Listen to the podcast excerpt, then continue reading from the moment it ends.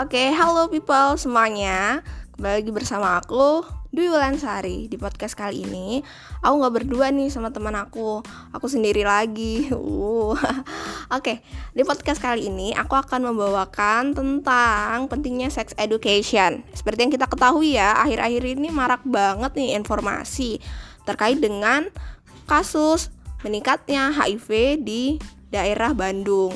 Nah, teman-teman udah tahu belum atau sudah cari informasinya belum nih secara valid atau detailnya seperti apa?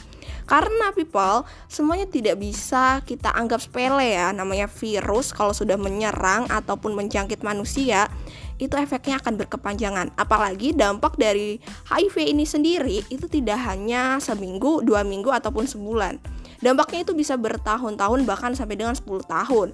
Itu setelah nanti baru bisa berubah menjadi AIDS.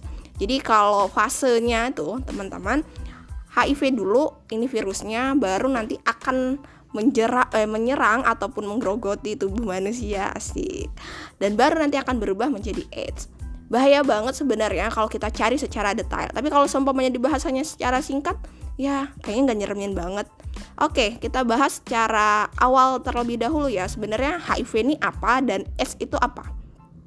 Jadi HIV itu singkatannya dari Human Immunodeficiency Virus, sebuah virus yang menyerang sistem kekebalan tubuh. Jadi beratnya kalau sebenarnya kita punya 100% energi dalam tubuh ketika virus ini masuk, maka imun kita akan turun secara perlahan, perlahan dan perlahan.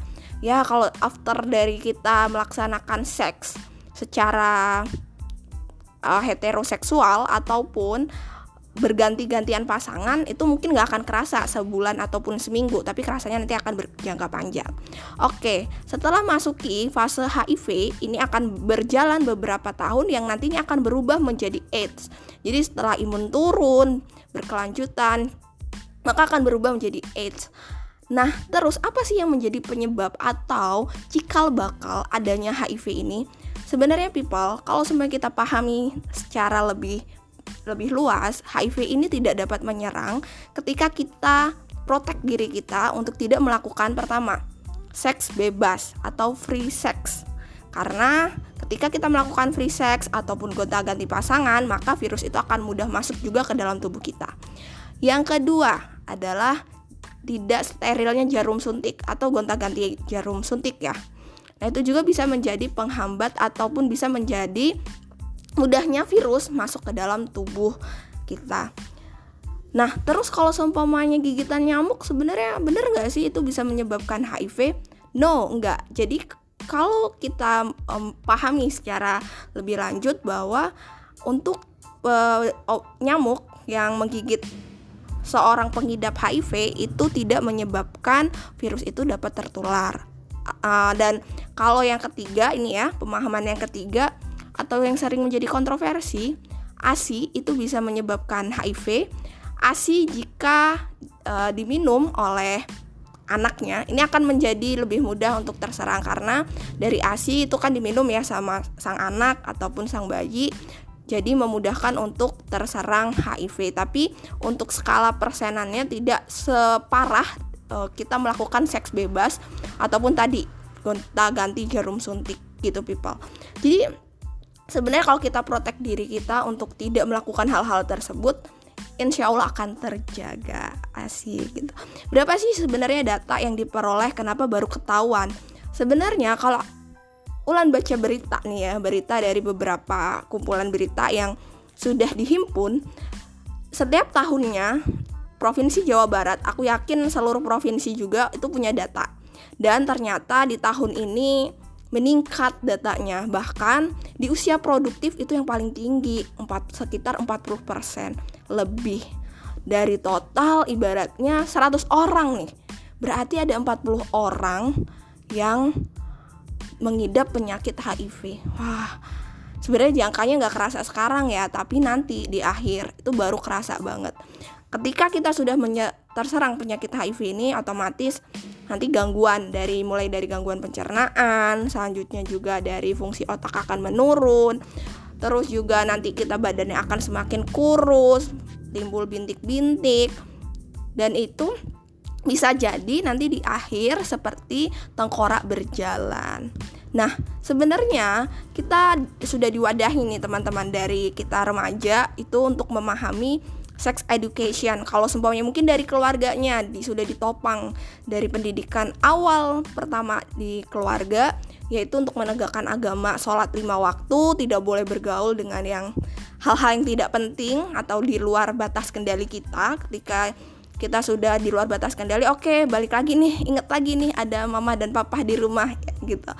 Jadi kita memprotek diri kita sendiri. Selanjutnya ketika kita sudah memasuki masa SMP remaja kita mulai yuk cari pengenalan agar dunia kita itu lebih positif. Banyakkan kegiatan-kegiatan yang lebih positif berorganisasi boleh berkomunitas ataupun kita ikut lomba-lomba boleh. Selanjutnya juga mengembangkan inovasi ataupun mengembangkan kreativitas yang kita punya dan hobi-hobi yang kita miliki. Itu akan lebih bermanfaat dan lebih terasa ya untuk kita lebih produktif lagi di setiap harinya dan tidak memikirkan hal-hal yang negatif.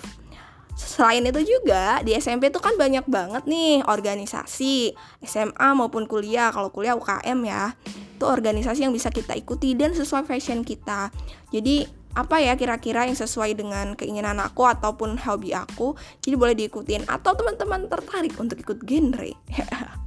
Genre itu adalah singkatan dari generasi berencana. Ya boleh banget people untuk kelihat apa sih genre itu cari di Google ya. Jadi Genre singkatan dari generasi berencana ini mewadahi banget remaja-remaja usia 10 sampai dengan 24 tahun dan kita punya slogannya untuk say no to sex before marriage, say no to drugs dan say no to early marriage. Wah, itu udah terangkum banget nih people.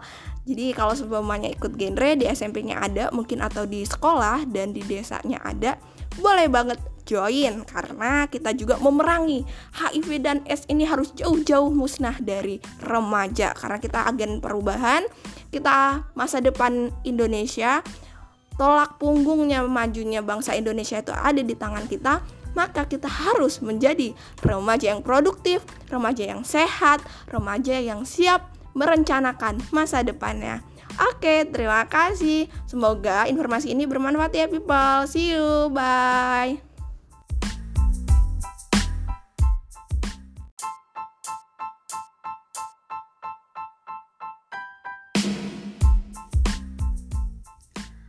Halo, Assalamualaikum warahmatullahi wabarakatuh Udah lama banget nih aku nggak buat konten dan bersuara di Lini ID Balik lagi bersama aku Dulan Sari. Semoga kisah-kisah yang aku sampaikan bermanfaat ya untuk teman-teman semua. Oh iya, saat ini aku sudah menjalani tahun pertama kuliah di UIN Sunan Kalijaga Yogyakarta. Untuk teman-teman yang saat ini sedang berjuang dan akan melanjutkan pendidikan ke jenjang master, boleh banget ya untuk chat aku di DM di Dwi underscore Wulan Sari atau juga teman-teman bisa kunjungi di YouTube aku karena aku juga pernah upload apa sih sebenarnya keuntungan dari beasiswa LPDP dan beberapa pengalaman aku dari aku saat S1 sampai dengan saat ini S2. Oke, kali ini aku mau berbagi cerita tentang kenapa sih harus sekolah. Karena banyak banget teman-teman yang menanyakan sekolah itu penting gak sih? kenapa harus sekolah dan kenapa juga kita dituntut untuk bisa mencari ilmu setinggi mungkin. Oke. Dari sisi aku, ada beberapa hal yang perlu kita ketahui terkait dengan dampak positif ketika kita menjalani atau melaksanakan ya kewajiban kita yaitu bersekolah karena kita di Indonesia sendiri itu ada kewajiban belajar yaitu selama 9 tahun atau sekarang sudah dinaikkan menjadi 12 tahun sejak SD sampai dengan SMA. Nah, apakah cukup nih ketika kita berhenti sampai jenjang SMA aja? Ternyata di era abad 21 seperti saat ini, kita nggak cukup untuk bisa sekolah dengan pendidikan setara dengan SMP atau SMA aja karena berbagai dengan kecanggihan teknologi, kemajuan-kemajuan yang luar biasa, lebih cepatnya dan berbagai problematik yang mengharuskan kita untuk bisa adaptif dengan keadaan dan lingkungan sekitar. Hal ini menuntut untuk kita bisa lebih aware atau lebih bisa mempunyai kecakapan-kecakapan yang dibutuhkan sampai dengan saat ini. Kalau kita nggak punya, maka kita harus siap-siap untuk tergusur dengan arus perkembangan zaman. Nah, sampai di sini mungkin teman-teman bertanya lagi nih. Terus kalau seumpamanya kita nggak menyiapkan itu semua, apa yang perlu kita siapkan dan sebenarnya apa sih yang menjadi keuntungan ketika kita bersekolah dan yang membedakan antara kita tidak sekolah dengan kita sekolah. Oke. Jadi, persiapan yang perlu kita lakukan sebelum kita melangkah ingin melanjutkan pendidikan, maka kita harus tahu dulu tujuan untuk kita melanjutkan pendidikan itu apa. Apakah hanya untuk sebagai formalitas ingin mendapatkan ijazah, lalu sudah, atau kita punya tujuan yang lebih mulia, yaitu mengangkat derajat kedua orang tua, ingin lebih memanfaatkan ilmunya, dan syukur alhamdulillah Nantinya, dari ilmu tersebut kita bisa membuka peluang kerja bagi orang lain di sekitar kita. Nah, tujuan-tujuan inilah yang nantinya teman-teman bisa rangkum, selanjutnya dipetakan kembali. Apakah harus melanjutkan pendidikan lebih tinggi ataupun harus berhenti dan atau mencari beberapa alternatif lain atas pilihan teman-teman. Nah, untuk pertanyaan yang kedua, sebenarnya value atau nilai penting dari kita bersekolah ada beberapa poin. Dengan kita, pertama, dengan kita bersekolah, tentunya pikiran kita selanjutnya dalam penyampaian, ucapan, tindakan itu akan berbeda. Kenapa? Karena setiap harinya dengan kita bersekolah, kita akan belajar untuk bisa berdiskusi, belajar untuk menyampaikan pendapat, dan belajar untuk berpikir kritis. Dari sini, menuntut kita sebagai mahasiswa ataupun sebagai seseorang akademisi untuk bisa lebih memahami apa saja problem-problem yang dihadapi di waktu saat ini. Selain itu juga, selain kita juga lebih aware terhadap lingkungan, kita juga akan meningkatkan lebih banyaknya relaks, relasi atau koneksi Nah, koneksi ini yang nantinya mampu memberikan support system bagi kita untuk ke depannya menentukan jalan pilihan yang kita tuju. Dengan adanya relasi, ini akan memudahkan ketika kita bekerja, ketika kita akan melanjutkan mimpi-mimpi kita, atau salah satunya adalah ingin mencari hal-hal baru, karena kita sudah punya teman ataupun tempat untuk berdiskusi. Nah, Selanjutnya, kenapa juga kita harus bersekolah? Karena dengan melalui sekolah, dengan berkuliah, tentunya kita akan mampu mengembangkan bakat yang kita miliki. Kita tidak bisa ya menutup bakat-bakat yang kita miliki dengan hanya stuck dan berharap bahwa bakat itu bisa berkembang sendiri. Tentunya butuh bantuan dari orang lain untuk bisa mendukung, untuk bisa mendorong, dan menjadi batu lompatan ataupun pemacu agar kita terbang lebih tinggi. Selanjutnya juga ketika kita sudah mengembangkan bakat, tentunya kita punya perencanaan karir ya.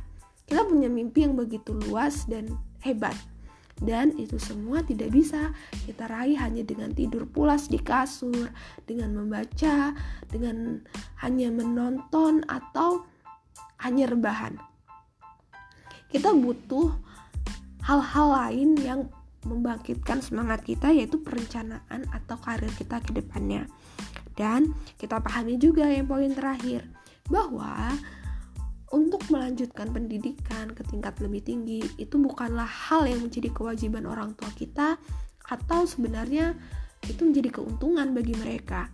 Tapi sebenarnya ini adalah keuntungan bagi diri kita sendiri nanti yang kita akan merasakan manfaat dari kita bersekolah dan tentunya dari beberapa yang sudah aku jelaskan tadi kita pahami bahwa belajar itu adalah suatu suatu hal atau proses yang kita lalui sepanjang hayat. Jadi dari kita mulai lahir dalam kandungan dalam kandungan selanjutnya lahir sampai dengan nanti wafat, proses belajar atau mencari ilmu adalah suatu hal yang akan terus berlangsung sampai kita nanti die atau meninggal. Jadi tidak ada hal yang tidak mungkin dalam hidup kita selagi kita ada kemauan dan untuk terus belajar. Oke, semoga podcast kali ini bisa bermanfaat dan untuk teman-teman yang saat ini mungkin berada di fase ingin mencari tahu kenapa pentingnya sekolah, kenapa aku harus bersekolah dan mungkin saat ini sedang di, berada di persimpangan, ingin melanjutkan atau berhenti. Aku yakin proses yang teman-teman lalui itu begitu luar biasa, begitu hebat dan semoga semuanya itu akan indah pada waktunya dan teman-teman tetap semangat untuk saat ini kalian hebat, kalian kuat, sudah mampu berjalan sampai dengan detik ini. Kalian luar biasa dengan kemampuan kalian dan semoga disampaikan dengan tujuannya yang baik dan apa yang jadi impiannya senantiasa dimudahkan. Oke, okay, bye bye. Terima kasih banyak. Wassalamualaikum warahmatullahi wabarakatuh.